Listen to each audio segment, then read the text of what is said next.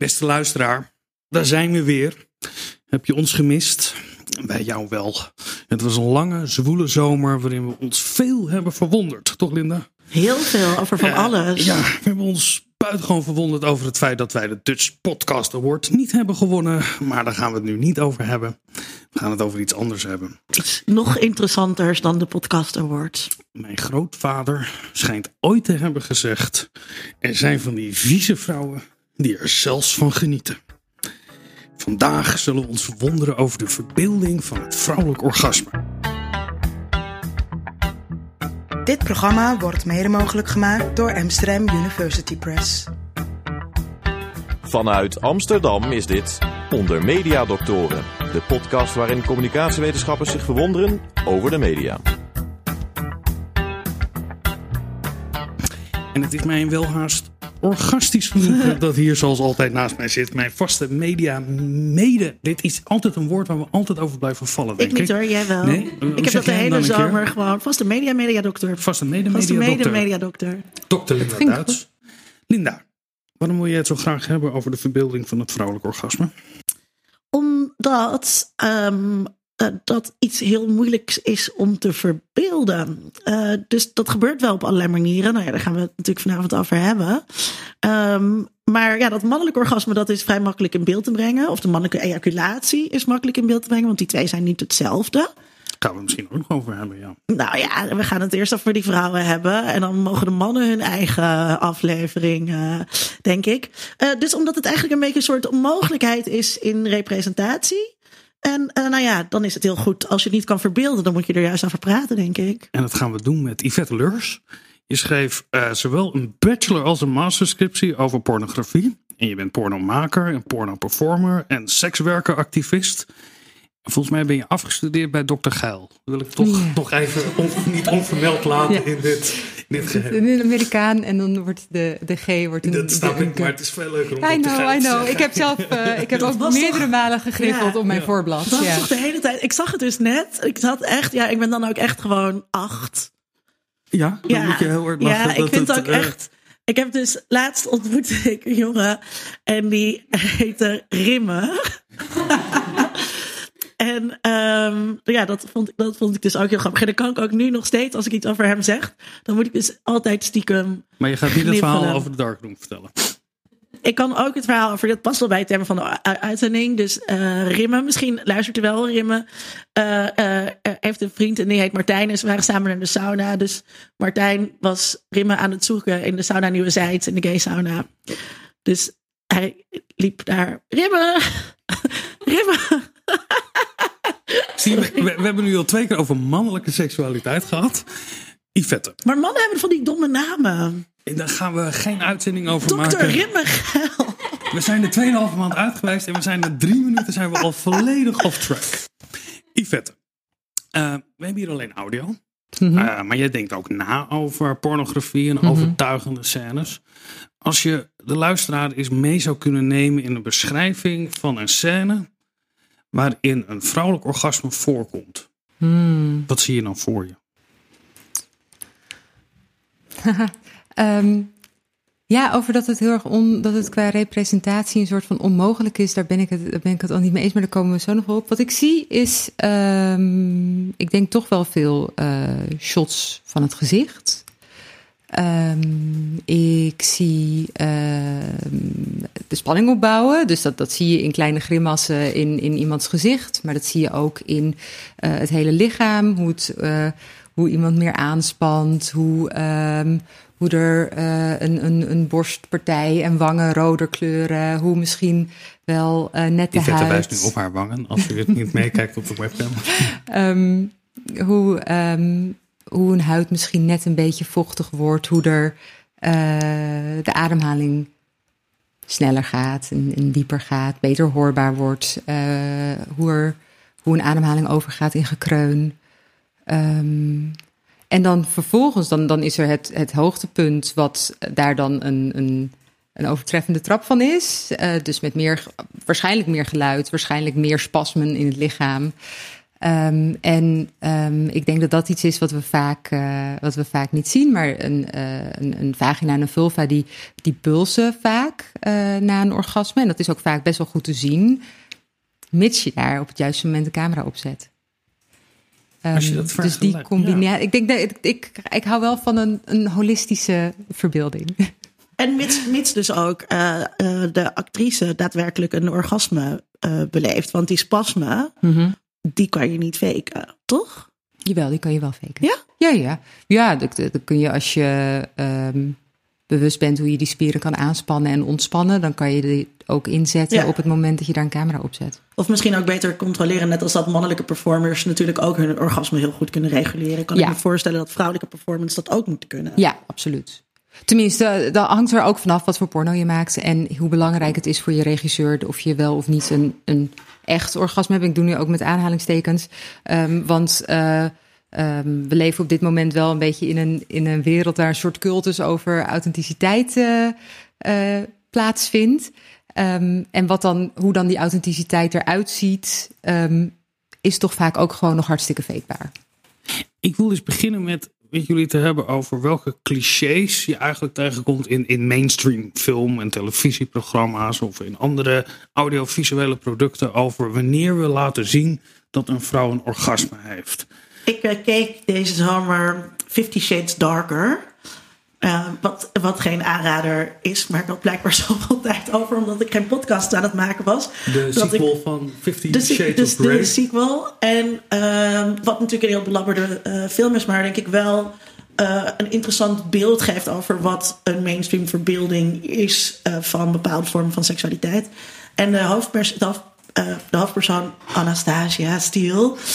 Die gooit de hele tijd haar hoofd naar achter. Dus bij alles wat er, maar ook echt meteen, weet je wel. Dus, dus eh, Christian Grey, de andere hoofdpersoon, die doet, doet dan iets, weet je. Die strijkt haar over haar dijbeen. Huppakee, hoofd naar achter.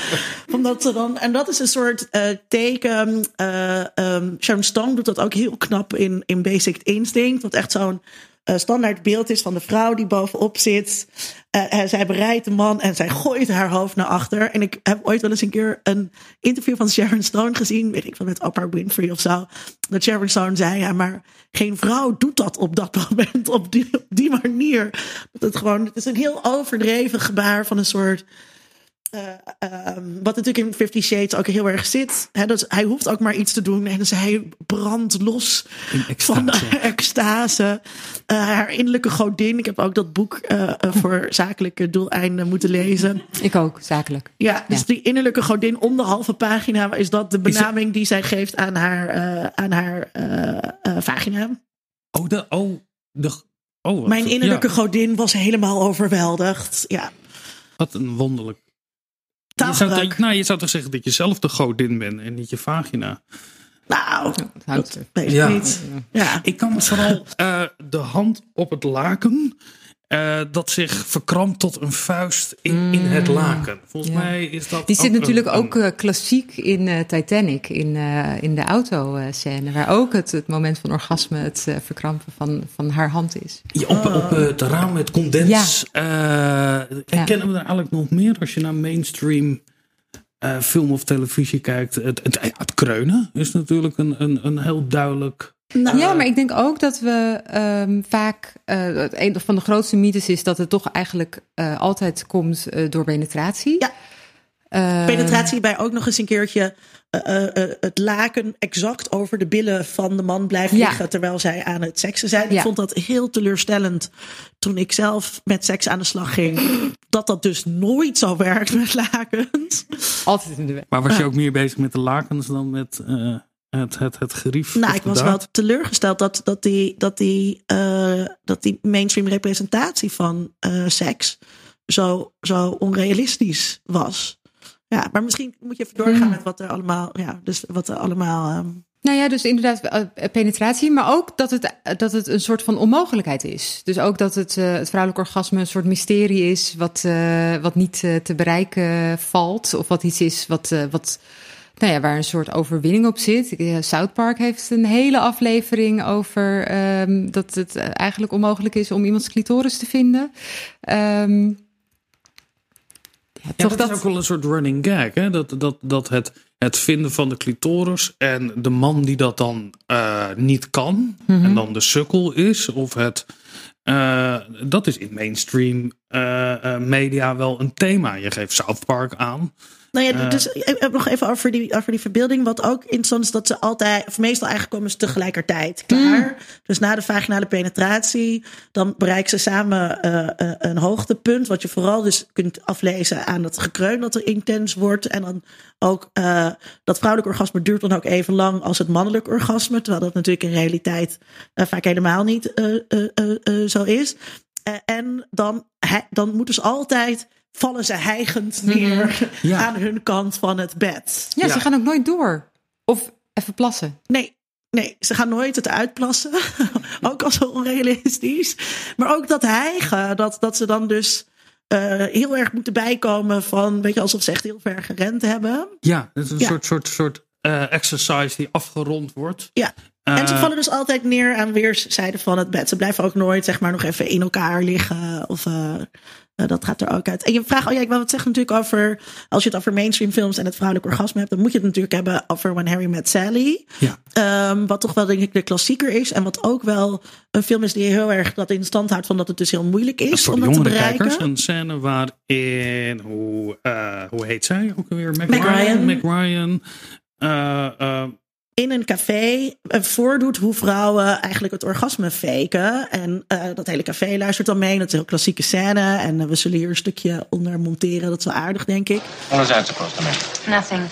It's just that all men are sure it never happened to them, and most women at one time or another have done it, so you do the math. You don't think that I could tell a difference? No. Get out of here.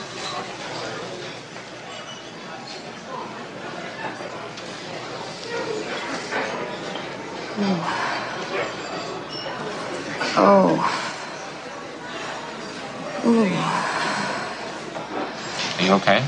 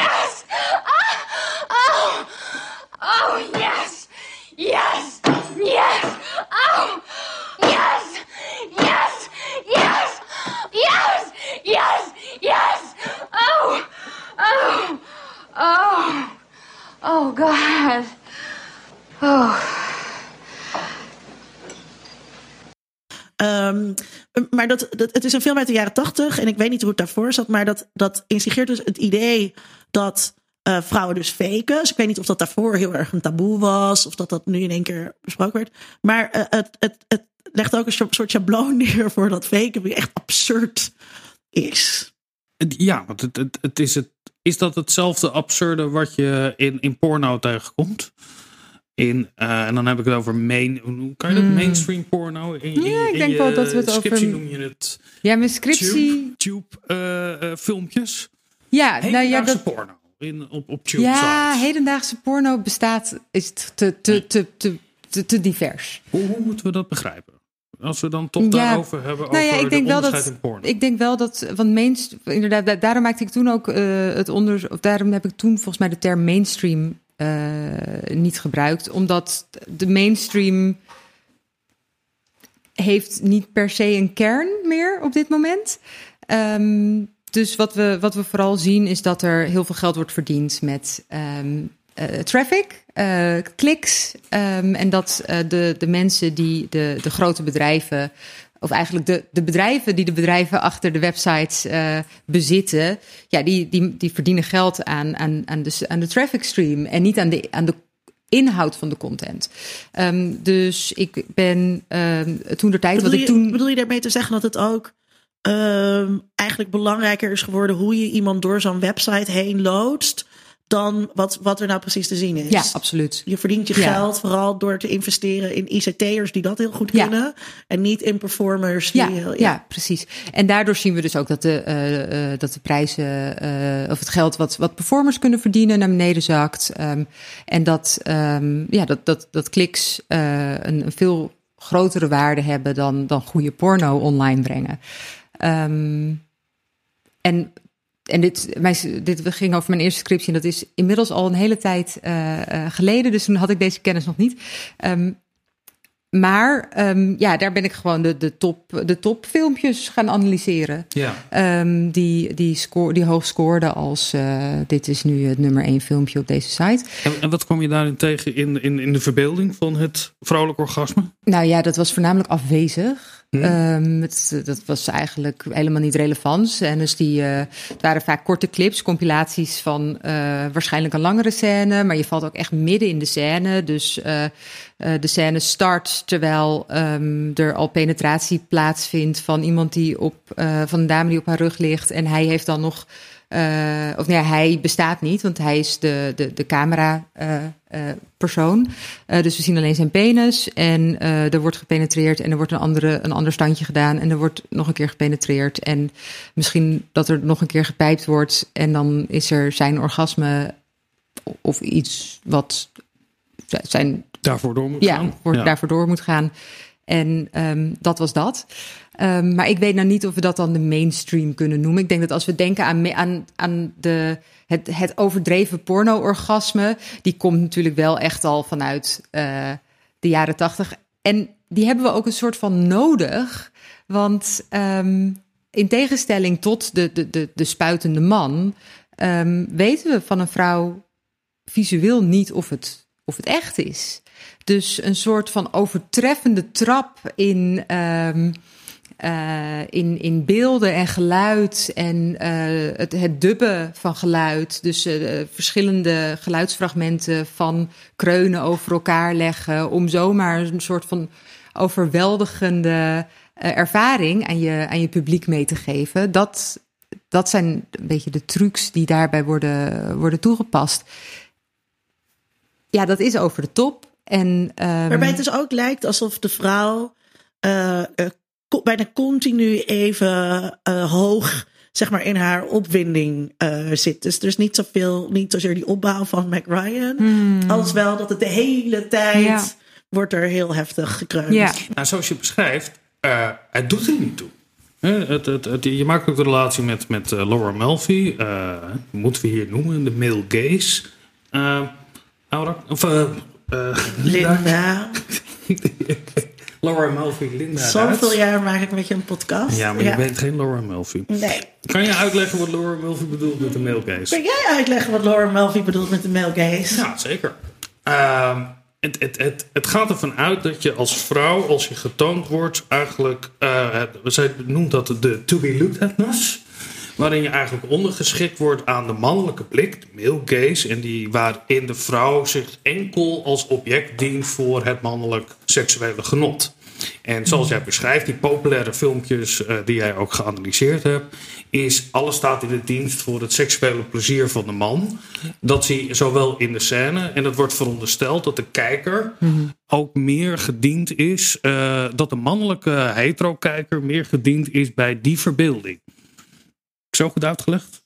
Ik denk, ik denk dat dat ook goed uitgelegd is. Ehm, maar wat, is, wat ik ehm, altijd interessant vind aan porno, is dat, ehm, wat jij bijvoorbeeld ook net zegt. Hè? Dus eh, als je gaat kijken naar bijvoorbeeld een maatstaf als objectificatie, dan verwachten we, want dat is een beetje de common sense gedachte dat vrouwen erg ge- geobjectificeerd worden in por- porno. Maar als je zegt, hè, het zijn mensen die je zonder hoofd te zien krijgt met alleen maar lichaamsdelen, dan vind je dus dat mannen veel meer geobjectificeerd worden. Dus het is heel lastig om dat soort, of ik vind het lastig om concepten uit ehm, eh, de mainstream filmtheorie ook zomaar hier op te plakken. Omdat dus veel dingen op zijn kop staan. En eh, wat jij, waar jij het net ook over had, porno is zo ontzettend ehm, heterogeen dat ook als je gaat kijken naar die tien meest bekeken filmpjes, dan zit daar dus ook Ja, heel absoluut. erg veel ehm, verschil in. En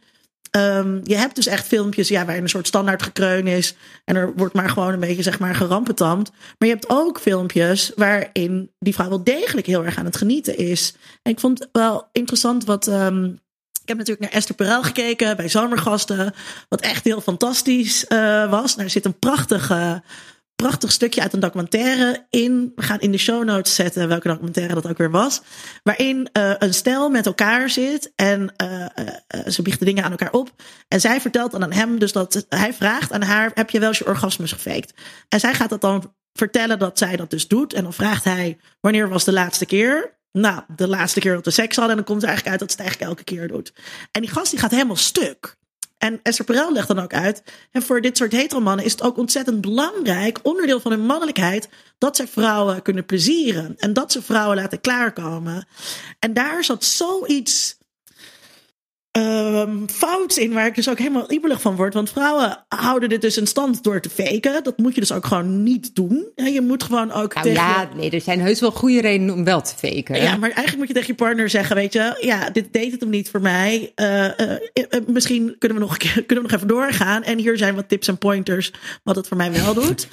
Um, maar er is dus wel heel veel porno waarin um, dat wel gebeurt. Absoluut. En dat is juist wel heel erg laat zien. Mannen die dus ja. wel heel goed zijn in die vrouw plezieren. En dat is dan weer heel gek als je dat dan wil gaan bedenken vanuit ook een soort sociale vergelijkingstechniek, uh, uh, theorie. Hoe moet dat dan voor die kijker zijn? Als hij dan bedenkt, kan ik dit wel met vrouwen? Of identificeert hij zich dan um, met die persoon. Ik weet niet of dat zo is bij porno kijken. Of dat je gewoon... Ik denk ook dat, het een soort van dat er ook een soort van verbod op zit. Uh, voor hetero mannen die naar hetero porno kijken. Um, um, daar een, uh, een hele actieve uh, mannelijke agent hebben. Die mooi is en aantrekkelijk. En zeer geschikte piemel heeft. Ja, maar dat je dan vervolgens ook als mannelijke heteroseksuele kijker uh, opgewonden raakt. En ook dus ook ergens moet toegeven dat je opgewonden raakt van het feit dat je naar een ander mannenlijf kijkt. Ik denk dat dat echt nog steeds wel een taboe is. Ja. En um, dat hebben wij als. als um, um, nou ja, als, als, als vulva-eigenaar uh, toch een beetje door onze, door onze strot uh, geduwd gekregen. Dat wij ook maar een soort van... Um, het voelt misschien ook een beetje als, als pure noodzaak dat we altijd maar op dat andere vrouwenlijf moeten, uh, moeten geilen, omdat die man gewoon compleet afwezig is. Ja. Als je naar die, want in je, in je scriptie, en misschien neem Mag je ik er even iets over zeggen wat daarin haakt? Um, uh, homoporno is best wel populair onder vrouwen. Mm -hmm. Dat laten we van die Pornhub-statistieken uh, zien. Maar ook wel uit wetenschappelijk onderzoek komt dat ook wel naar voren. En ik denk dus dat dat komt dat hetero-vrouwen ook graag kijken naar een soort verheerlijking van piemels. Hele mooie lichamen. Vaak in hetero-porno uh, zijn die mannenlichamen niet zo heel erg afgetraind en strak. droog, nou, zeg je wel. in sportschooltermen. Zeg ik, kijk ik jou aan, Vincent. Op een gegeven moment leer je dat ook. Droog is als, dat. als lid van de sportschool. maar um, dat dat dus een reden is om, om naar homoporno te kijken. Uh, omdat, daar, omdat je dan dus kijkt met de blik, misschien wel, van iemand die penissen begeert. En dat doe Ja. je als hetero vrouw. Ja, maar ik vind het ook interessant dat... Ja, niet alleen penissen, ook gewoon het hele lijf. Ja. Ik, want dat is denk ik, dat, vind, dat, dat vond ik toen nog een mis. En nu zie ik het nog steeds niet zoveel als dat ik het zou willen zien. Um, waar kijk, waar, als ik seks heb met, met een man, dan kijk ik naar hem. En ik zie het niet. In films zie ik het niet. Ja. Oh, die interactie tussen uh, twee mensen die seks met elkaar Ja, hebben. Dat kijken terwijl als je, en, ja, en, ja. terwijl als je kijkt naar, uh, naar lesbische scènes en dus ook naar, naar hetero scènes en dan zelfs nog wel een beetje de, fem, de, de meer feministische hetero scènes, um, daar, daar ligt toch ook dan vaak de nadruk op de, de, de interactie, uh, wat er op, uh, op oogniveau gebeurt. Um, maar dan nog is toch echt het merendeel van de shots is toch dat vrouwenlijf en toch dat vrouwengezicht. Ja. En niet die, die man die begeerlijk is. Dan denk je, als we dan een heterosexual female gaze zouden hebben, als we dat concept wel overnemen, dat je dan dus veel meer dat mannenlijf centraal zet? Uh, ja. Um, ik, er, zijn, er zijn scènes die dat heel tof doen. Er is een uh, uh, Bright Desire. Uh, Miss Naughty heeft een, een scène, een threesome. Twee heren, één dame. En zij wordt op een gegeven moment gebeft door die twee mannen. En het is dus echt gewoon schitterend over de shoulder. Vanaf haar gefilmd. Met die twee mannen tussen haar benen. Het is echt... Het is echt ja, dat vind ik wel tof. Ja. Daar wil ik wel meer van zien. heel erg uitzonderlijk. Ja, dat is toch raar? Ja, maar dat Ja. klopt. Het is heel erg uitzonderlijk. Het is uitzonderlijk. Ja. En- Maar als je dan in die- even- even de- wat, voor de, kijk, we, we beschrijven nu eigenlijk in eerste instantie porno als een echt een enorme brede, gevarieerd aanbod.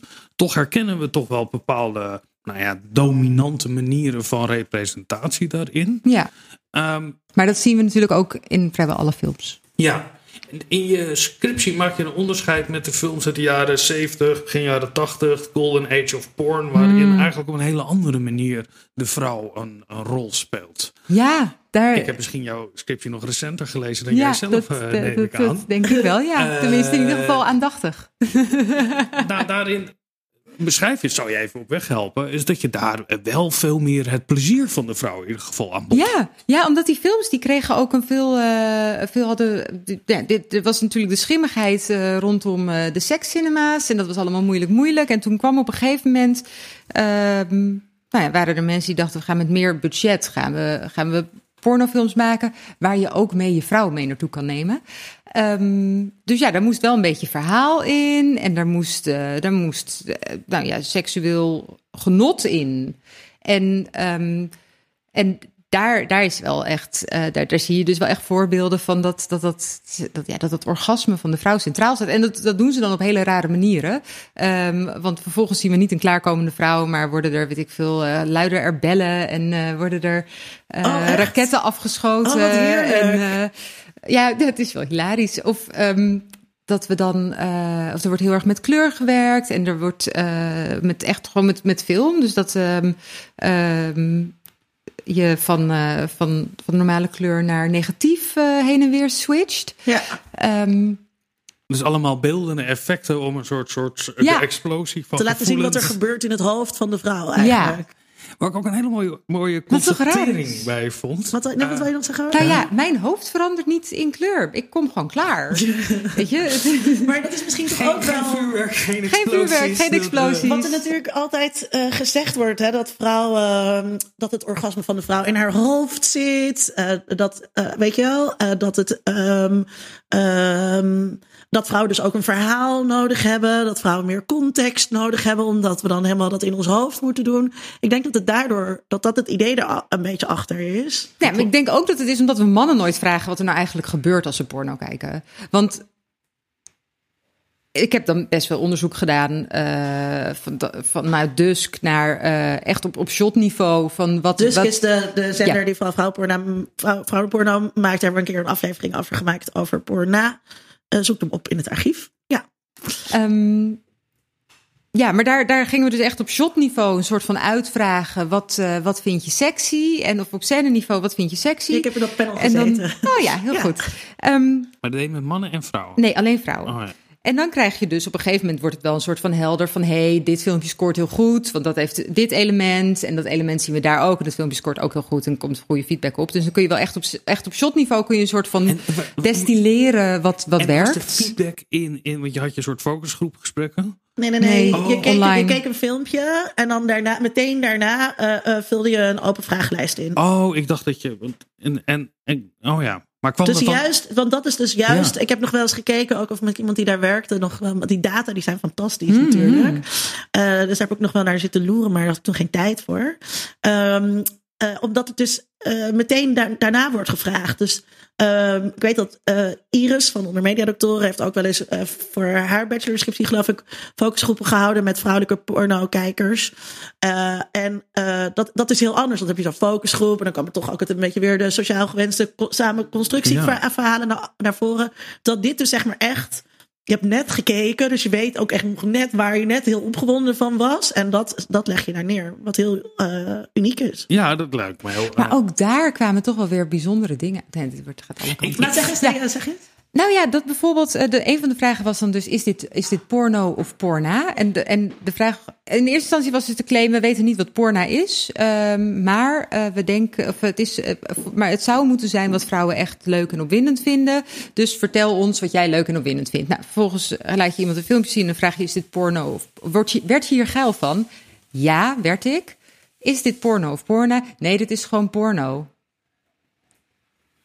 En dat is dus heel gek. Dus er zit ook zeg maar bij, bij veel. ehm, Nee, bij, bij veel vrouwen toch ook een soort van. ehm, ik word hier wel opgewonden van, maar ik mag hier niet opgewonden van worden. Of dit is toch een beetje. Ja, dit is niet echt vrouwelijk dat ik hier opgewonden van word. Waardoor we dus eigenlijk continu die, die, die diverse vrouwelijke seksualiteit. een soort van uitsluiten uit de data als we het erover hebben. Of uit het narratief houden. Ja, Ik wil het over westerns hebben. Eh, maar dan in relatie tot porno. Wat je beschrijft in je. Wat ik heel mooi vind is. ehm westernhelden. Peter Verstraeten beschrijft dat. Je haal je aan. De macht van de westernheld die haal je niet uit door hem vooral te laten zien hoe machtig die is. Maar door andere mensen heel erg te laten praten over hoe machtig diegene wel is. En jij maakt die relatie met die golden age of porn voorbeelden. Waarin mannen vooral aan het spreken zijn over het enorme seksuele genot en de vermogens van de hoofdpersonen. Emmanuel en, en, en dat soort voorbeelden. Ehm, ik, ik vond het een prachtig voorbeeld. Want volgens mij hebben we dat echt helemaal nergens meer. Kom je dat tegen? Op die manier. Nee, Ja. ik heb dat ook al een tijdje niet gezien. ik vraag me dan, ik denk dus wel ook dat dat een substituut is voor de verbeelding van het vrouwelijk orgasme. Door, door dus mannen te laten zeggen, zij was echt een beest in bed. Of zij was echt, eh, dat dat dus daar een substituut voor is. Ik zou nu ook niet weten, waarom denk je dat het verdwenen is? Omdat, omdat, eh, Omdat- de omgang met pornografie verdween? Ehm, ja, ik denk dat we gewoon meer ruimte hadden voor explicietere seks. Ehm, want je kan er nu gewoon op met een camera. Als Ja. in, je kan echt heel dicht op de huid. En dat gebeurt ook. En eh, die camera's zijn kleiner geworden. Dus je kan inmiddels zelf een camera vasthouden op het moment dat je iemand penetreert.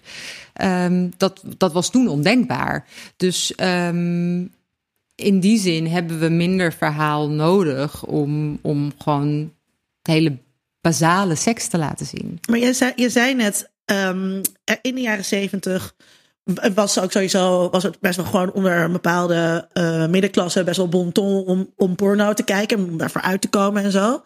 Eh, mannen namen hun vrouw mee naar die films. Dat is weer gestopt. Het is weer ergens toch weer in de publieke geest een mannen, vooral mannengenre geworden, waarbij vrouw, sommige vrouwen ook kijken. Ja. Ja, ik weet, ik, ik, heb daar, ik heb daar geen onderzoek naar gedaan, dus ik, ik weet niet hoe dat zit. Ja. Ehm, ja, het is misschien Nou, toch ook gewoon wederom de. de Kijk, die seksbioscopen die je beschrijft. Als je, of in ieder geval ook reguliere bioscopen die dan een keer een erotische film gaan draaien. En tot een groter publiek moeten aanspreken. Eh, veel porno wordt gemaakt voor individuele kijkers. Eh, en volgens mij hebben we in, in het gedeelte. Ja, tuurlijk zijn er stelletjes die porno kijken, maar daar is het. Maar daar is ook een Eh, hele markt voor. Hè? Dus je hebt ook ja. allerlei eh, instructievideo's. eh, weet je, voor jou als stelletje hoe je bepaalde seksuele handelingen kunt doen. Dus er wordt ook wel echt eh, eh, porno echt gemaakt voor stelletjes. En dat was ook een van, even kijken, Candice, Candice Royale heet zij zo? Candida Royale. Candida Royale, sorry. Eh, ehm, toen zij ging feministische pornofilms maken, ook echt met de intentie dat dat voor stelletjes was. En misschien kan jij daar. Ja, nee, zij is vooral volgens mij porno gaan maken, want zij, zij, was, zij performde. Eh, dus zij was een porn, performer. En zij is volgens mij wel echt heel erg vanuit, vanuit zichzelf. Van ja, ik ga iets maken wat ik leuk vind om te kijken. Wat mijn vriendinnen leuk vinden om te kijken. En, ehm, en de man ging daar dan, werd daar dan in meegenomen. Ehm, maar de focus lag vooral op eh, voor ons en door ons. En ik denk dat dat nog steeds wel iets is wat we binnen feministische of politieke of eh, meer artistieke porno zien. Dat dat toch vooral eh, mensen zijn die porno maken vanuit de gedachte: ik wil iets maken wat over mij gaat. Eh, meer dan ehm, alleen over. ehm, ik wil per se seks uitbeelden of zo. Ja. Of ik En wil... zie je dan ook daar een andere, een andere verbeelding van dat vrouwelijk orgasme? Ja, absoluut. Ehm, ik denk dat er sowieso veel meer aandacht is voor de, voor de, voor de creativiteit binnen seksualiteit. Eh, dus dat er veel meer ruimte is voor. ehm, nou, misschien wel de, de, de kwetsbaarheid ook van bepaalde practices. Ehm, alles wat in mainstream als een fetish wordt weggezet, eh, dat doen mensen ook gewoon echt in hun dagelijks leven. En daar hebben ze dan over. En dan vinden ze elkaar nog steeds lief daarna en tijdens. En, en, en dat proces, wat ehm, niet zomaar, eh, waar, waar in dagelijks leven gewoon echte grenzen zijn. Ehm, en die dan meenemen in een, in een pornofilm. Dat is, dat is denk ik um, wat we in, in die feministische stroom meer zien. En daardoor komt er dus ook op een andere manier een orgasme in beeld. Omdat je um, uh, meer ruimte hebt om mensen te laten doen wat ze doen als ze seks hebben en niet als ze seks spelen. Tom vroeg zich af wat het nou eigenlijk was, een vrouwelijk orgasme. en maakte samen met Narine, gingen ze op onderzoek uit en maakten het volgende item. Come on. Let's talk about sex, baby. Let's talk about you and me. Let's talk about... De vrouw en haar orgasmes. Dat is waar onze gerespecteerde collega professor Dr. Sigmund Freud ons veel over kan leren. Zoals wij weten is de vrouwelijke fixatie op de clitoris een manifestatie van haar penisnijd. Oftewel, de angst die volgt op de ontdekking dat ze geen penis heeft in haar jeugd. Clitorale masturbatie moet dan ook begrepen worden als een activiteit die in essentie fallisch is. Een die vaak gepaard gaat met verwarde fantasieën over bepaalde intimiteiten met de moeder of een andere vrouwelijke autoriteit in haar leven. Later, wanneer het meisje erachter komt dat alle vrouwen haar ongelukkige lot van het niet hebben van een penis delen, zal het zwaartepunt van haar seksualiteit verschuiven van de clitoris naar de vagina. Hierin zien we dus dat het clitorale orgasme slechts een puberaal fenomeen is dat overkomen hoort te worden, zodat de vrouw seksueel volwassen is. Het onvermogen om een vaginaal orgasme te krijgen kan er ook leiden tot neuroses of hysterie. Gelukkig leren we steeds meer over hoe het wel zit. Zo zijn we van het absurde idee af dat het clitoraal orgasme onvolwassen zou zijn. Sterker nog, we weten dat de meeste vrouwen überhaupt niet klaarkomen van penetratie, maar alleen van clitorale stimulatie. Zelfs als iemand wel klaarkomt van penetratie, is dat eigenlijk nog steeds een clitoraal orgasme. Uit onderzoek van de Australische uroloog Helen O'Connell uit 1998 bleek dat de clitoris veel groter is dan daarvoor werd gedacht. Zo groot dat hij tot aan de binnenwand van een vagina komt en daar dus ook gestimuleerd kan worden. Maar er lijken nog steeds wat misverstanden te bestaan over het vrouwelijk orgasme als we kijken naar hoe vaak vrouwen klaarkomen. Tegenover de 95% van heteromannen die regelmatig klaarkomen tijdens de seks, staat een schamele 65% voor hetero vrouwen. Van lesbische vrouwen, daarentegen, komt 86% regelmatig. Fix verschil. Hetero mannen lijken zich helaas niet bewust te zijn van deze grote verschillen.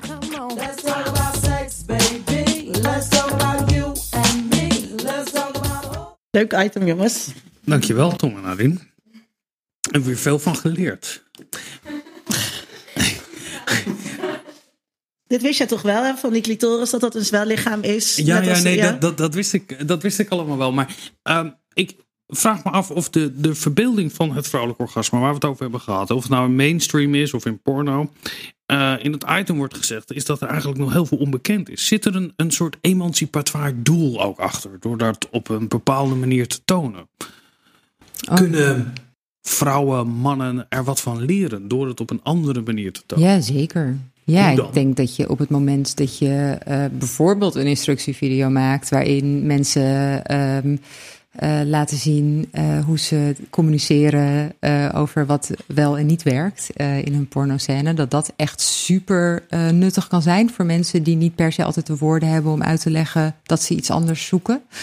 Um, maar um, we, we, paar jaar terug was er tijdens het Pornfilmfestival in Berlijn een workshop tentacle porn voor, voor vulva-owners. Um, dus waar um, tentacle porn is een, een, een, genre porno wat, waar vrouwen gepenetreerd worden door wezens met grote tentakels. Ja, ik zat ook met inktvis in mijn hoofd, maar dat is ja, echt zo. Dat klopt. Okay. Maar wat voor wezens dan? Zijn dat, is dat dan met uh, CGI gedaan? Of wordt dat getekend? Ja, of getekend. uh, volgens, mij is het, het, volgens mij is het origineel een hentai genre. Okay, ja. Um, maar, um, maar ja, goed dat die tentakels, dat is dan toch altijd een soort van mannelijk, uh, een mannelijk object. En um, er was toen een workshop om, om ja, ja, ja, vulva-achtige tentakelsachtige objecten te maken. En daar hebben ze vervolgens dus ook weer porno mee gemaakt. Dus in, in die zin is het dan ook al is het wel echt een hele, hele duidelijke emancipatie van ook hoe verbeeld je je eigen geslachtsdelen en, um, en hoe mag je daar uh, Um, nee, ook je fantasie op loslaten. Ja, dit, maar dat zit heel erg in een, in een, in een alternatieve hoek van, van, van, van, van porno. Mm -hmm. um, als je naar oh, maar vergis je niet. Ja. Ik denk dat we tegenwoordig zien we natuurlijk heel erg de, de, de switch uh, ontstaan uh, van, van, van porno die geproduceerd wordt door productiehuizen, waar een, een producent en een regisseur en iemand met geld en whatever, uh, naar meer de cam of de clipsites, waar porno-performers hun eigen beelden uitbrengen, of hun eigen clips uitbrengen, um, waar ook klanten vaak heel specifieke scenario's uh, aanbieden aan een performer, die ze dan, waar ze dan ja of nee tegen zeggen en heel veel geld voor krijgen om dat te maken. Um, maar daar zie je dus ook echt hele, um, nou ja, hele interessante dingen ontstaan van, van, van, uh, van performers die doen alsof ze hun klant opeten omdat ze hele grote reuzinnen zijn, um, tot. Maar hoe leidt dat tot, tot een tot een emancipatoire doel. Als we de, de grote variëteit die er is, uh, misschien helemaal niet alleen een alternatieve hoek, mm. maar heel erg gestuurd op vraag. Nou ja, ik denk dat het heel belangrijk is om even te bedenken hoezeer we in verpreutste tijden leven. Mm. Waarin hè, op Facebook eigenlijk niks meer mag. Mm. Waarin Facebook voor elkaar heeft gekregen wat jarenlange christelijke organisaties in Amerika niet lukte. Namelijk geen bloot meer in de Playboy. Uh, dat lukte Facebook omdat Playboy, net als allerlei andere media, afhankelijk is geworden voor hun bereik van sites als Facebook. En zo kon Facebook dat eigenlijk afdwingen. Uh, dus dat betekent dat ook voor uh, Nederlands opgroeiende meisjes er dus maar heel weinig representatie is van uh, de vagina, van de clitoris, van de vulva, van het vrouwelijk genot, van het vrouwelijk orgasme. Dat het heel moeilijk is om dat eh, uit educatieve bronnen, zeg maar, uh, te vinden. Of uit, uit mainstream dingen. Um, ja, dan is het wel interessant als je met porno wat meer kan. En ja. dan is het ook interessant om te weten dat er dus heel veel verschillende soorten porno zijn. Mm -hmm. En dat je er dus echt een beetje naar op zoek kan gaan. En ja, ik denk absoluut dat op het moment um, uh, dat vrouwen hun seksualiteit minder gestigmatiseerd kunnen beleven, dat een enorme revolutie uh, uh, teweeg gaat brengen. He, dus die, die constructen die er, die er zijn, op, op slettengedrag, het stigma dat daarop heerst, dat weerhoudt vrouwen natuurlijk wel ervan om bepaalde dingen te doen. Nou ja, hmm. er kan vet ook alles over vertellen over het stigma dat op sekswerkers hmm, ja. heerst. Maar de quote waarmee je begon van je opa over god, die gevallen vrouwen die het ook nog lekker vinden. Ja, dat zijn wel allemaal dingen die gedaan worden om ons eronder te houden. Dus ik heb wel eens een stuk geschreven met ja. Wat zou er in hemelsnaam gebeuren als we dat loslaten? Vinger de verlichting heet dat stuk. Omdat uh, die onderdrukking ook wel gekomen is met de verlichting. En je mag natuurlijk nooit wat naars zeggen over de verlichting. Um, nou. Ja, maar, ik wel. maar, ja, dat, ja, dus ik, ik, snap, dus, ik snap het nog niet helemaal. Kijk, als, we hebben gezegd dat die... die er wordt nu steeds tegen meisjes gezegd. Ja. Bijvoorbeeld in voorlichtingsboeken staat... jongens masturberen en meisjes doen dat soms ook. Ja. En, en, dat is feitelijk juist. Meisjes doen dat ook minder dan jongens. Maar het werkt ook als een soort uh, self-fulfilling prophecy. Dat je denkt, misschien ben ik dan wel raar als ik dat ga doen. En dus dat is al één fase, zeg maar, waarin die miskenning van je seksualiteit uh, komt. Dat het dus zo normaal gevonden wordt onder vrouwen om te faken. Dat ze mm -hmm. elkaar tips geven over hoe je dat moet doen. Ik denk, geef elkaar tips over hoe je je kerel uitlegt. Hoe je daadwerkelijk uh, uh, klaarkomt. Dus dat wegcijferen voor de man, de focus op zijn orgasme. Ja, dat zijn allemaal wel onderdrukkende tools van het patriarchaat. En juist ook dan dus wel uh, performance de ruimte geven om, om wel uh, klaar te komen op hun eigen manier, zonder penetratie, zonder, zonder, zonder misschien wel uh, gigantische speeltjes. Of juist wel met gigantische speeltjes. Zonder dat er iemand anders bij is. Maar gewoon omdat iemand met zichzelf aan het masturberen is. En dat we daarna mogen kijken. Um, dat, dat, dat, dat schept echt ruimte. Vragen maar ook klanten dat ook? Vragen ze ook wel eens aan jou? Um, tips? Of, of uh, vinden zij het heel belangrijk dat je echt klaarkomt? Nou ja, ik ben, ik doe, uh, ik webcam en ik maak porno. Dus ik, um, ik heb sowieso meer afstand uh, dan wanneer ik een, een, een full service zou aanbieden. Dus nee, maar een echte klant. bij de cam. Maar met de cam, ja, ik, ik, ben, ik zit gewoon wel heel erg op dat ik een, een, een orgasme aanbied in mijn shows. Um, en mensen verwachten, ik denk dat de meeste van mijn klanten verwachten gewoon dat ik klaarkom, want dat is wat ik, dat is, dat is wat ik verkoop. Um, maar ik heb ook zeer zeker wel um, klanten die, die echt heel graag willen dat ik er echt de tijd voor neem. En dan uh, daar ook wel scenario's over hebben en soms uh, daar ook feedback op vragen. Maar. Op hun scenario's? Ja, ja. Kan je daar een voorbeeld van geven? Nou ja, ik heb, ik heb een aantal klanten en die zijn gewoon heel erg specifiek. Die bouwen helemaal op. Die geven eigenlijk een soort van jerk-off instructions. Um, en die beginnen uh, met, uh, nou dan zou ik nu dit in je nek doen. En dan uiteindelijk gaat dat dan helemaal door naar de rest van mijn lijf. En dat is wel echt, ik vind dat wel heel, hele leuke klanten, want dat is Want zij beschrijven wat zij zelf als fantasie hebben met jou. Ja. En, en uh, maar dat is, dat is cam, hè? En dat is natuurlijk echt wel iets anders dan porno. Want of, ik, of je maakt een film over. Uh, of, ja, of je maakt een film, of je, gaat een, of je biedt een real-life service aan. En um, dus ik weet niet in hoeverre daar iets maar emanciperend uit is. een beetje tussenin. Tussen... Nou, nee, het is wel real life. Ja. Ik bedoel, ik of niet real, het is wel, het is live vooral. Um, en ik doe. En er is heel veel interactie. Er is heel veel interactie. Um, maar het is nog steeds wel, zeg maar, er, er komt een klant die betaalt voor een service waarin hij geplezierd wordt. Maar dus ja, dat is, maar dat is daar ook een, met een representatie. En dat is toch het verschil ja, dat is met ook bijvoorbeeld wel waar. escortwerk. Uh, ja. Waarin um, er misschien wel een soort verbeelding is ook van seks en seksualiteit. Wat je natuurlijk uh, uh, doet als sekswerker. Maar wat ongemedieerd is. Dat was misschien ja. het woord wat ik Ja. zocht. Ja. En waarin schuilt dan het genot van uh, deze klanten om jouw seksueel genot te zien? Dat is gewoon Dat- geil. Ja, Ja, maar, ja, maar dat is gewoon geil. Ja. Ja, Nou ja, je, nee, maar je ik- beschrijft in je scriptie, weet je wel, eh, heel veel van die eh tube-filmpjes, die korte filmpjes, helemaal geen vrouwelijk plezier. Het gaat alleen maar over de man. Het is heel erg uiterlijk gericht.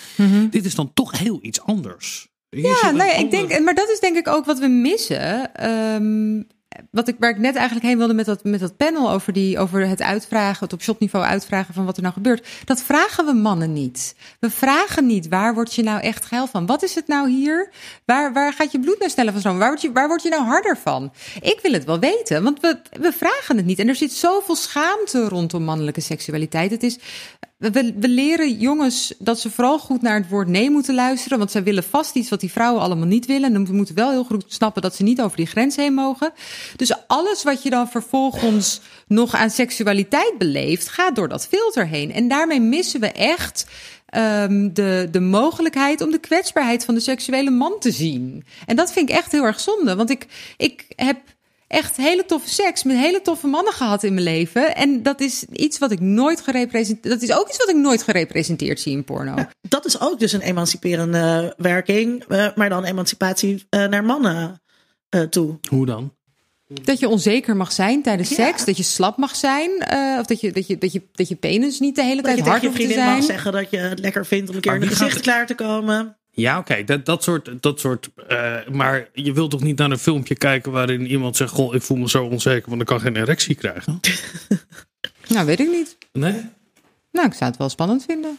Ja, Ik vind het, nee, maar ik, nee, maar ik, maar goed, dus dan misschien ook beroepsdeformatie of zo. Nee, ik vind het ook wel lekker als er een beetje ongemak in zit. Nou, ik vind wat is wel interessant wat je zegt, omdat ehm, ik vind dat dus ook heel erg bij televisie bijvoorbeeld, of bij het bioscoop, de films in de bioscoop. Mm. Weet je wel, makers hebben een bepaalde, hebben bepaalde ideeën over wat het publiek wil zien, die zelden gebaseerd zijn op gedegen publieksonderzoek. Mhm. Dus het is heel erg kijkcijfers zijn leidend eh, en oude ideeën die ze hebben, zeg maar, die ze ergens opgedoken hebben.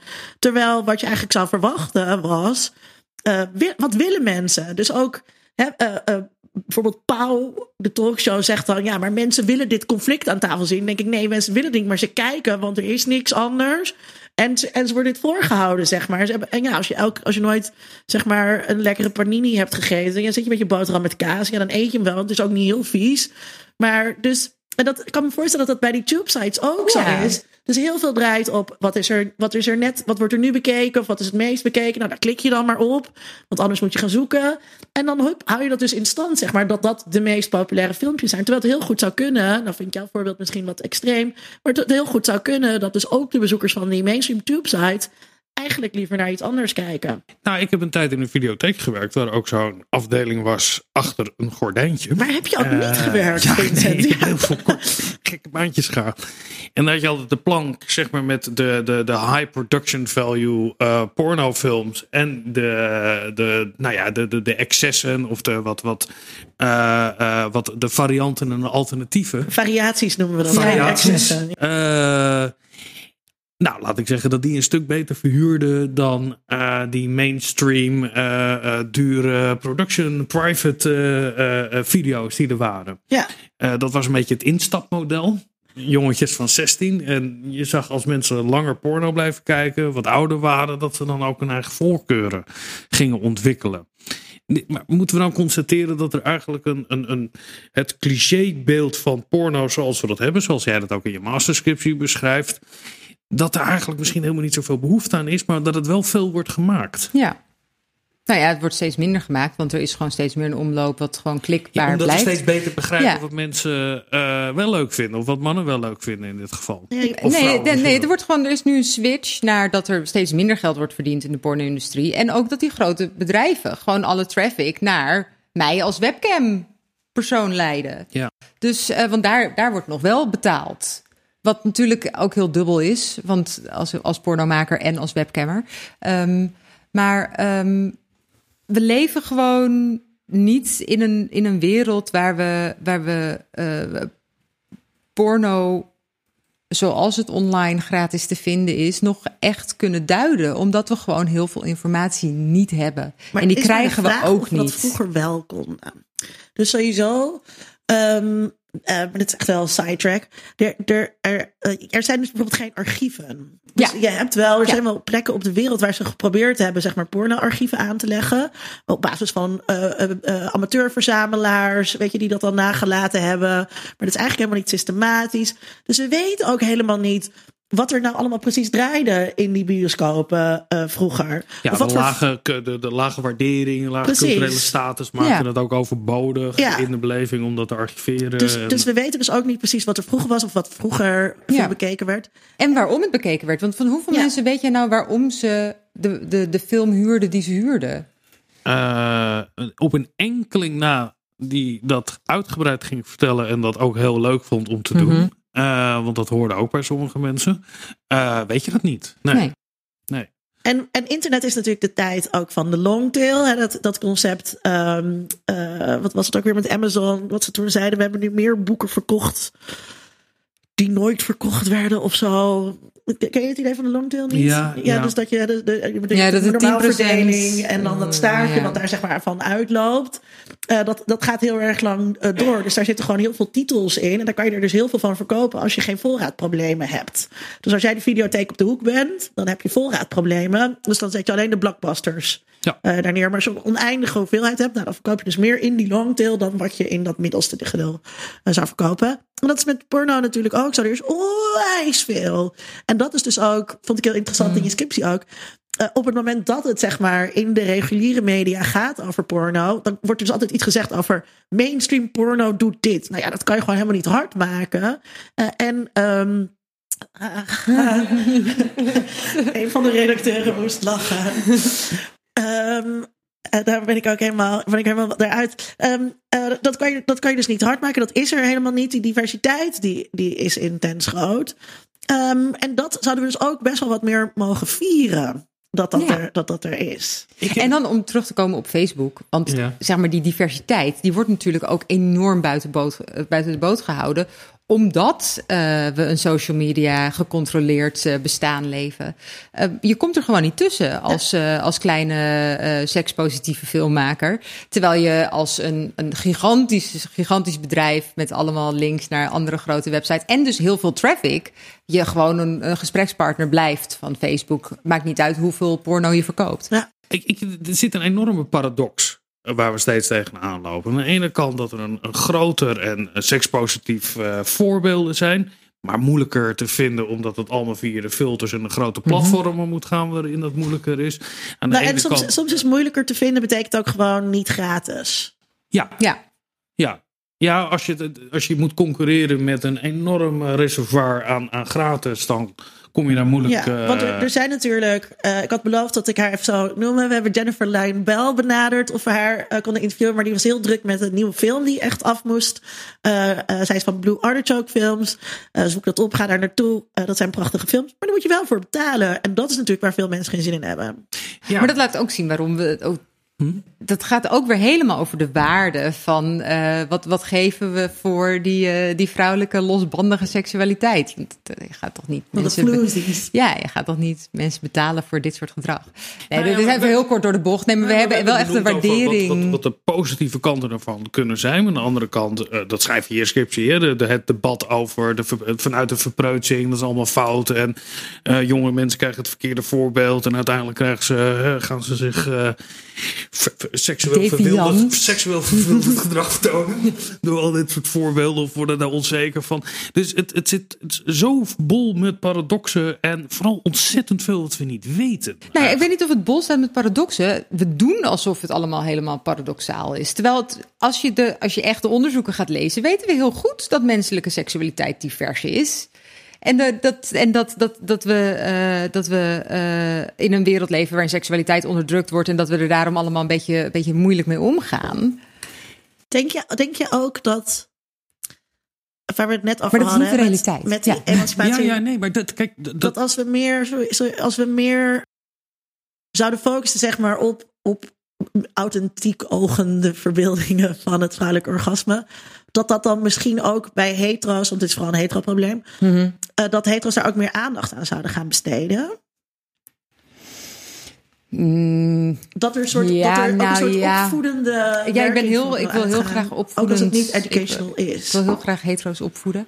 Eh, maar ehm, ik denk niet dat dat Eigen gebeurt met. eh, nee, wat, wat, je, wat wij het in het begin al over.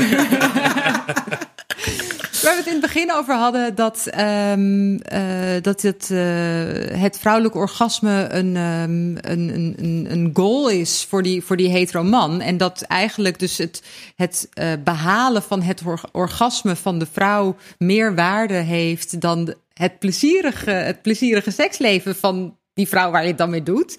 Ehm, dat dat een veel grotere issue is dan, dan nu beter gaan laten zien hoe je een vrouw klaar kan laten komen. Ja. En het is ook zo wonderlijk dat wij, zeker vanuit cultural studies denken, eh, zijn we altijd heel kritisch op alle effectstudies. Behalve als er hele mooie positieve voorbeelden zijn. Dan zeggen we, kijk eens hoe belangrijk dat dit het is. Dat zal mensen op het betere pad brengen. Daar zijn we veel coulanter in om daar de effecten van te willen zien. Dan als het gaat over voorbeelden waar we dat eh, niet van willen. Nou, ik denk, eh, ik denk dat dat wel meevalt. Nee, wat, wat interessant is om natuurlijk gewoon cultural studies-achtige receptiestudies te doen met mensen. Eh, van waar, wat, wat, wat betekent dit nou voor jou? En hoe kijk je um, hiernaar? Nou, ik heb het ook altijd wonderlijk gevonden. Ik vind het ontzettend mooi dat jij binnen de. Je hebt media en cultuur gestudeerd. Eh, dat zo'n enorme audiovisuele industrie. Er zou eigenlijk veel meer aandacht moeten krijgen binnen het vakgebied van media Absoluut. studies. Dan dat het op dit moment heeft. En het gaat nog altijd. Heb je dat gemerkt? Dat, eh, dat, dat- gaat, ging dat gepaard met vragen of met. Voelde je weerstand nee, daarin? ja, ik, ik denk dat ik. Want Bij je dat, scriptie uit, eh, bij je buluitreiking. eh heeft je begeleider toen een leuk praatje gehouden? ja, mijn Hallo, begeleider wel. Nee, mijn, eh, godzijdank, mijn, mijn begeleider was overigens mijn tweede begeleider. Want mijn eerste bege- mijn, mijn, mijn masterscriptie duurde wat lang. En dus er was een eh, wisseling van de wacht. Niks om ervoor te Ehm, schamen. Nee, ja, hij is er beter van geworden. Ehm, maar ehm, ik, had een, eh, ik had een hele positieve eh, begeleider. Dus dat was heel fijn. En die kon me ook gewoon eh, goed theoretisch ondersteunen. Dus die, die, die had ook wel wat kennis eh, op het onderwerp.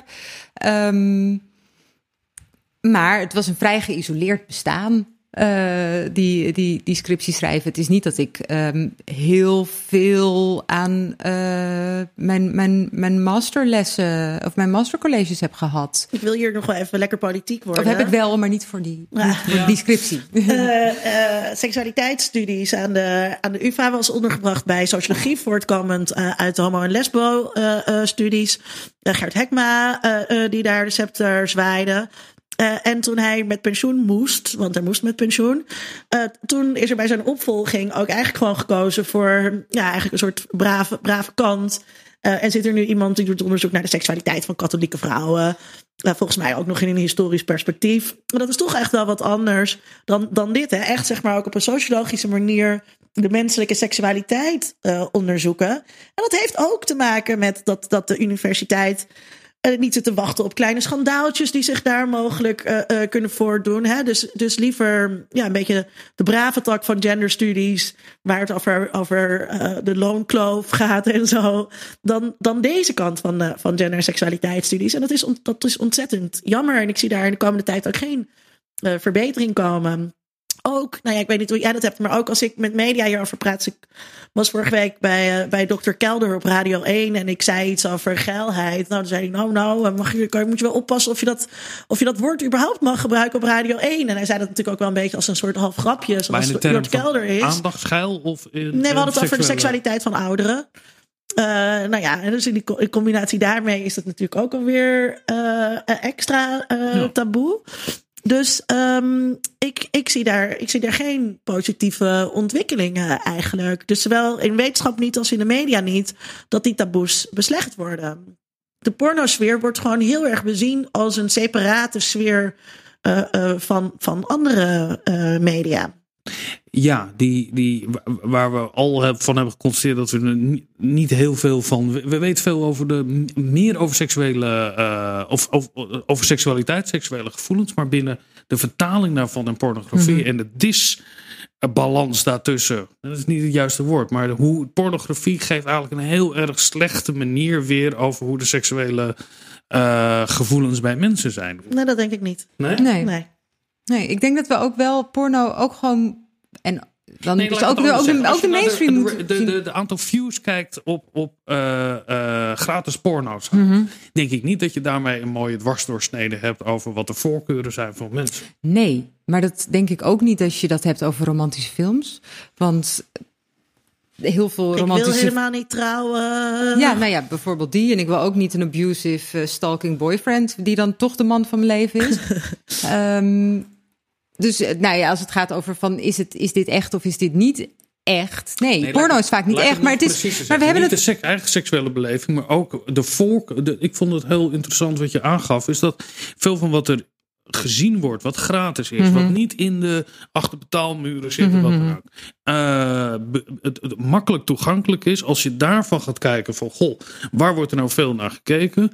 Of dat nou ook daadwerkelijk is waar mensen ook de meeste opwinding aan beleven. Op het moment dat ze daarnaar kijken. Nou, ik denk dus dat dat allemaal beter kan. Ja, Hè, dus dat het beter in beeld gebracht kan worden. Dat, dat die lijven misschien eh, beter kunnen. Allemaal dat soort dingen. Maar ik denk dat diverser. diverser. eh, dus beter. Diverser is beter. Ja, ehm, en dat, ehm, maar dat juist zeg maar eh, porno veel beter de, de, de veelzijdigheid aan smaken en voorkeuren en fetishen en schoonheidsidealen laat zien dan dat mainstream media Ja, dat eh, eh, dat doen. Ja. En, En dat je het- mag ook wel gewoon fantaseren. Hè? Je mag gewoon naar een scène kijken die je nooit van je leven Ja, gaat precies, uitvoeren. Ja. Nee, maar ik geloof dat het een stuk beter is dan die hand op het condensraam of het gripje op de lakens of je hoofd op je achterover werpen. Maar Dat, hoofd eh, achterover. Wat een heerlijke podcast. Linda, ik ga je de onmogelijke vraag stellen. Op welke manier wordt het vrouwelijk orgasme verbeeld? Dat is de Ehm, vraag die we trachten te beantwoorden. Dat is een hele ja. grote vraag eigenlijk. Ja, en uiteindelijk hebben we het daar helemaal niet heel Nee. veel over gehad. Maar dat komt ook omdat Yvette aan, aan het begin wel een soort mooie ideaaltypische beschrijving ehm, gaf. Ehm, dus ja, dus ik weet niet of het antwoord op die vraag een beetje plat is. Ehm, ik denk dat eh, er te. Ik ga gewoon iets anders beantwoorden. is, ik ga gewoon een antwoord geven wat niet een antwoord op de vraag is. Ik denk dat er te weinig aandacht besteed wordt aan het verbeelden van het vrouwelijk orgasme. Ofwel uit een soort creatieve luiheid, zeg maar. Van nou ja, weet je wel, we kunnen er ook gewoon een beetje laten kreunen en dan is het. Ofwel uit uh, gevoel dat het, dat, het, dat het er niet toe doet. Om, omdat het idee is dat de mensen die ernaar kijken toch iemand anders zijn. ofwel, um, weet ik niet of er nou nog, het zou mooi zijn als ik ook nog een derde punt heb hier. Um, ik denk ook dat we het vrouwelijk orgasme wel eens missen. Ja, daar hebben we het ook nog helemaal niet over nee. gehad. Ja, weet je, want we hebben natuurlijk allemaal een beeld van dat het orgasme heel erg bombastisch is. Ja. En er zijn heel veel vrouwen die bombastisch klaarkomen, of een beetje bombastisch, of met geluid of whatever. Maar er zijn ook mensen aan wie je gewoon niet zo goed merkt dat ze klaarkomen. Ja. En wat dus ook interessant is, dat heeft, nou, daar, daar moeten we het nog wel even over hebben voordat we naar de vraag toe gaan. Um, uh, het, het mannelijk orgasme uh, is ook vaak gewoon het eind van het plezier. Weet je wel? Ja. Dan is het gewoon op bij de man. En dan, uh, als hij zeker als hij Het zijn is penis gericht is, dan is, het, dan is zijn taak volbracht. Terwijl bij de vrouw begint het heel vaak pas. Dus op het moment dat je dus het orgasme alleen maar beziet als een climax, dan maakt het ook geen sens om in jouw verhaal de vrouw al, weet je wel, aan het begin uh, te laten klaarkomen. Wat in realiteit een veel beter idee is. Want dan kan ze nog een keer en nog een keer en nog een keer. Ja, maar het is narratologisch natuurlijk ook waardeloos. Ja, het is heel saai om ja. iemand 15 keer te zien klaarkomen in een half Ja. uur. Vindt Ja. niemand leuk. En, en, Ja, denk je? De Nou ja, sommige mensen wel, het- maar geeft net maar is wel ook 15 mannen tegelijk eh, klaarkomen. Ja, maar dat is een andere. Dat is, ja, maar dat komt, nee, maar het is natuurlijk wel ook zo dat je, weet je, een goede. Een goede, een goede, orale, een goede orale scène eh, in real eh, ontvangen. Nou ja, doe maar 20 minuten. Maar als je 20 minuten naar een hoofd tussen twee benen moet kijken, Ja. wordt het toch ook wel echt verdomd saai na een minuut of drie. Ja, ja. Dus die, die, die, misschien wel die, ehm, die veelvuldigheid van, ehm, van hoe eh, vrouwen hun seksualiteit eh, kunnen beleven, ehm, is, me, is media-wise niet zo spannend. ja. Ja, we dus hebben het er nog ik- over ik- één ding. ik dit- Kijk, het vrouwelijke orgasme, als je er even helemaal op een esthete- hoe je er een verhaal van kan maken, wat duidelijk een, een, een, een, een, een punt aangeeft, zoals bij de mannelijke ejaculatie van, nou, dames en heren, daar is die dan, de, het orgasme.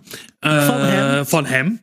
Eh, waarin ook een soort einde aangeeft, maakt eigenlijk het vrouwelijk orgasme filmisch volstrekt ongeschikt. Linda. Ja, dat, dat, dat, Ja, maar dat, ja, maar dat, dat, dat- daar zit natuurlijk wel wat in. En dat brengt me bij een ander punt waar we het helemaal niet over gehad hebben.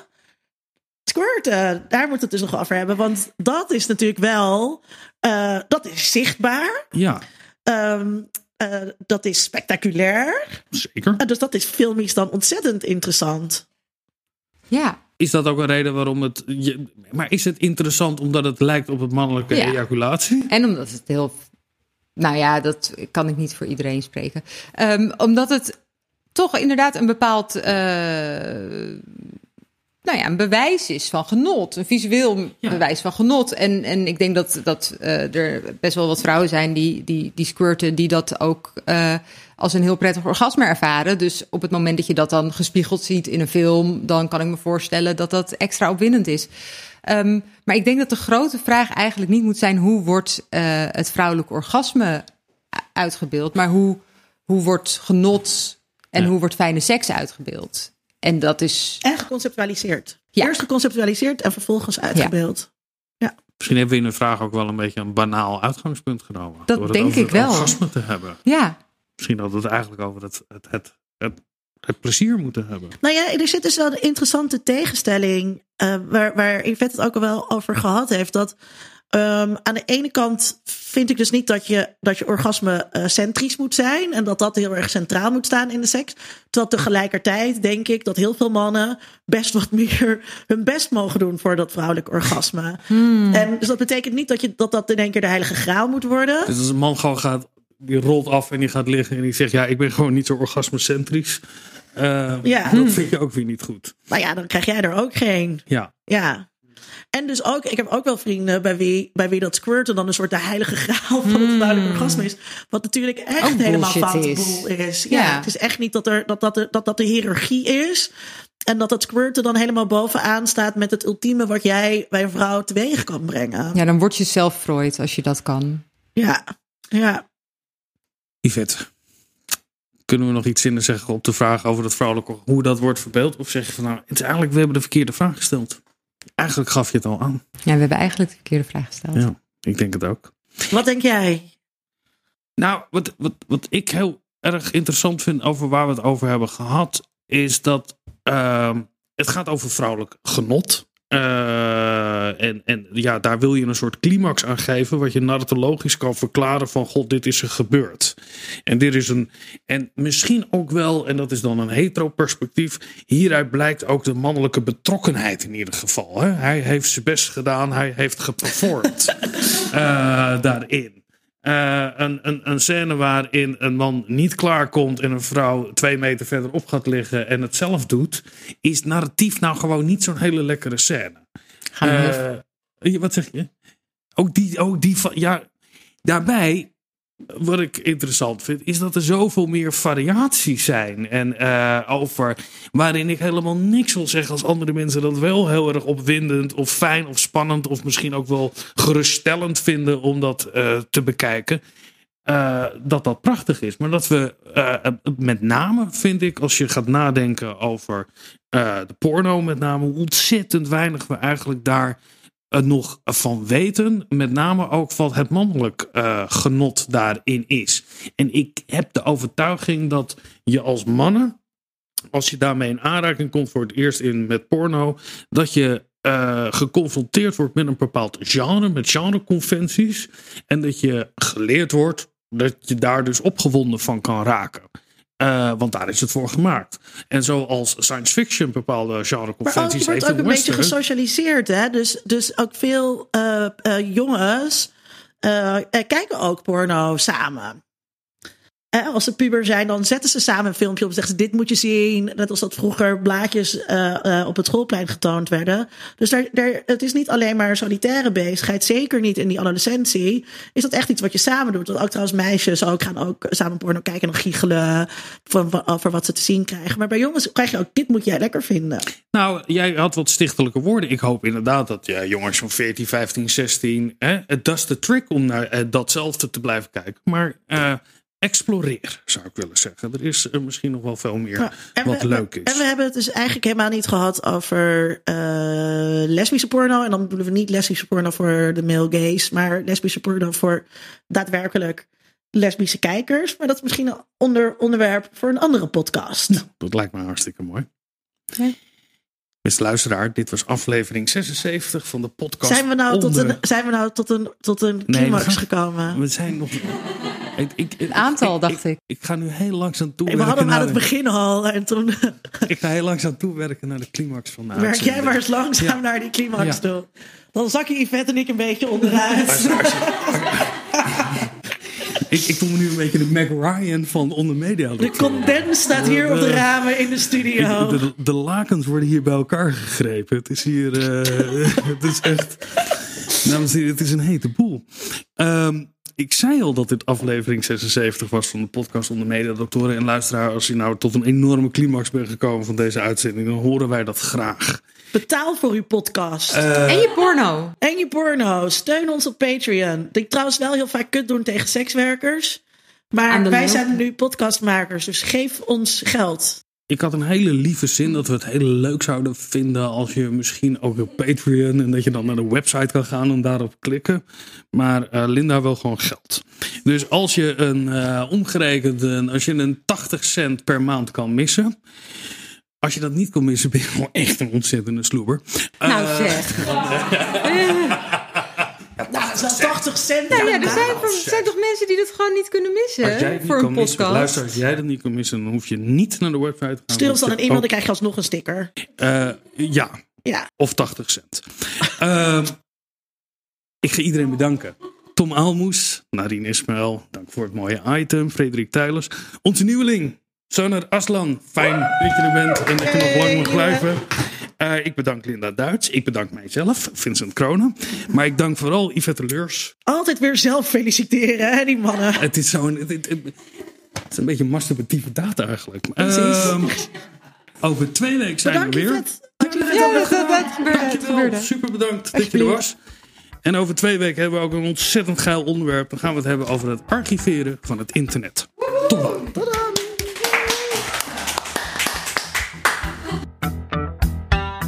Onder Mediadoktoren is een podcast van Vincent Kronen en Linda Duits. Meer informatie vindt u op ondermediadoktoren.nl.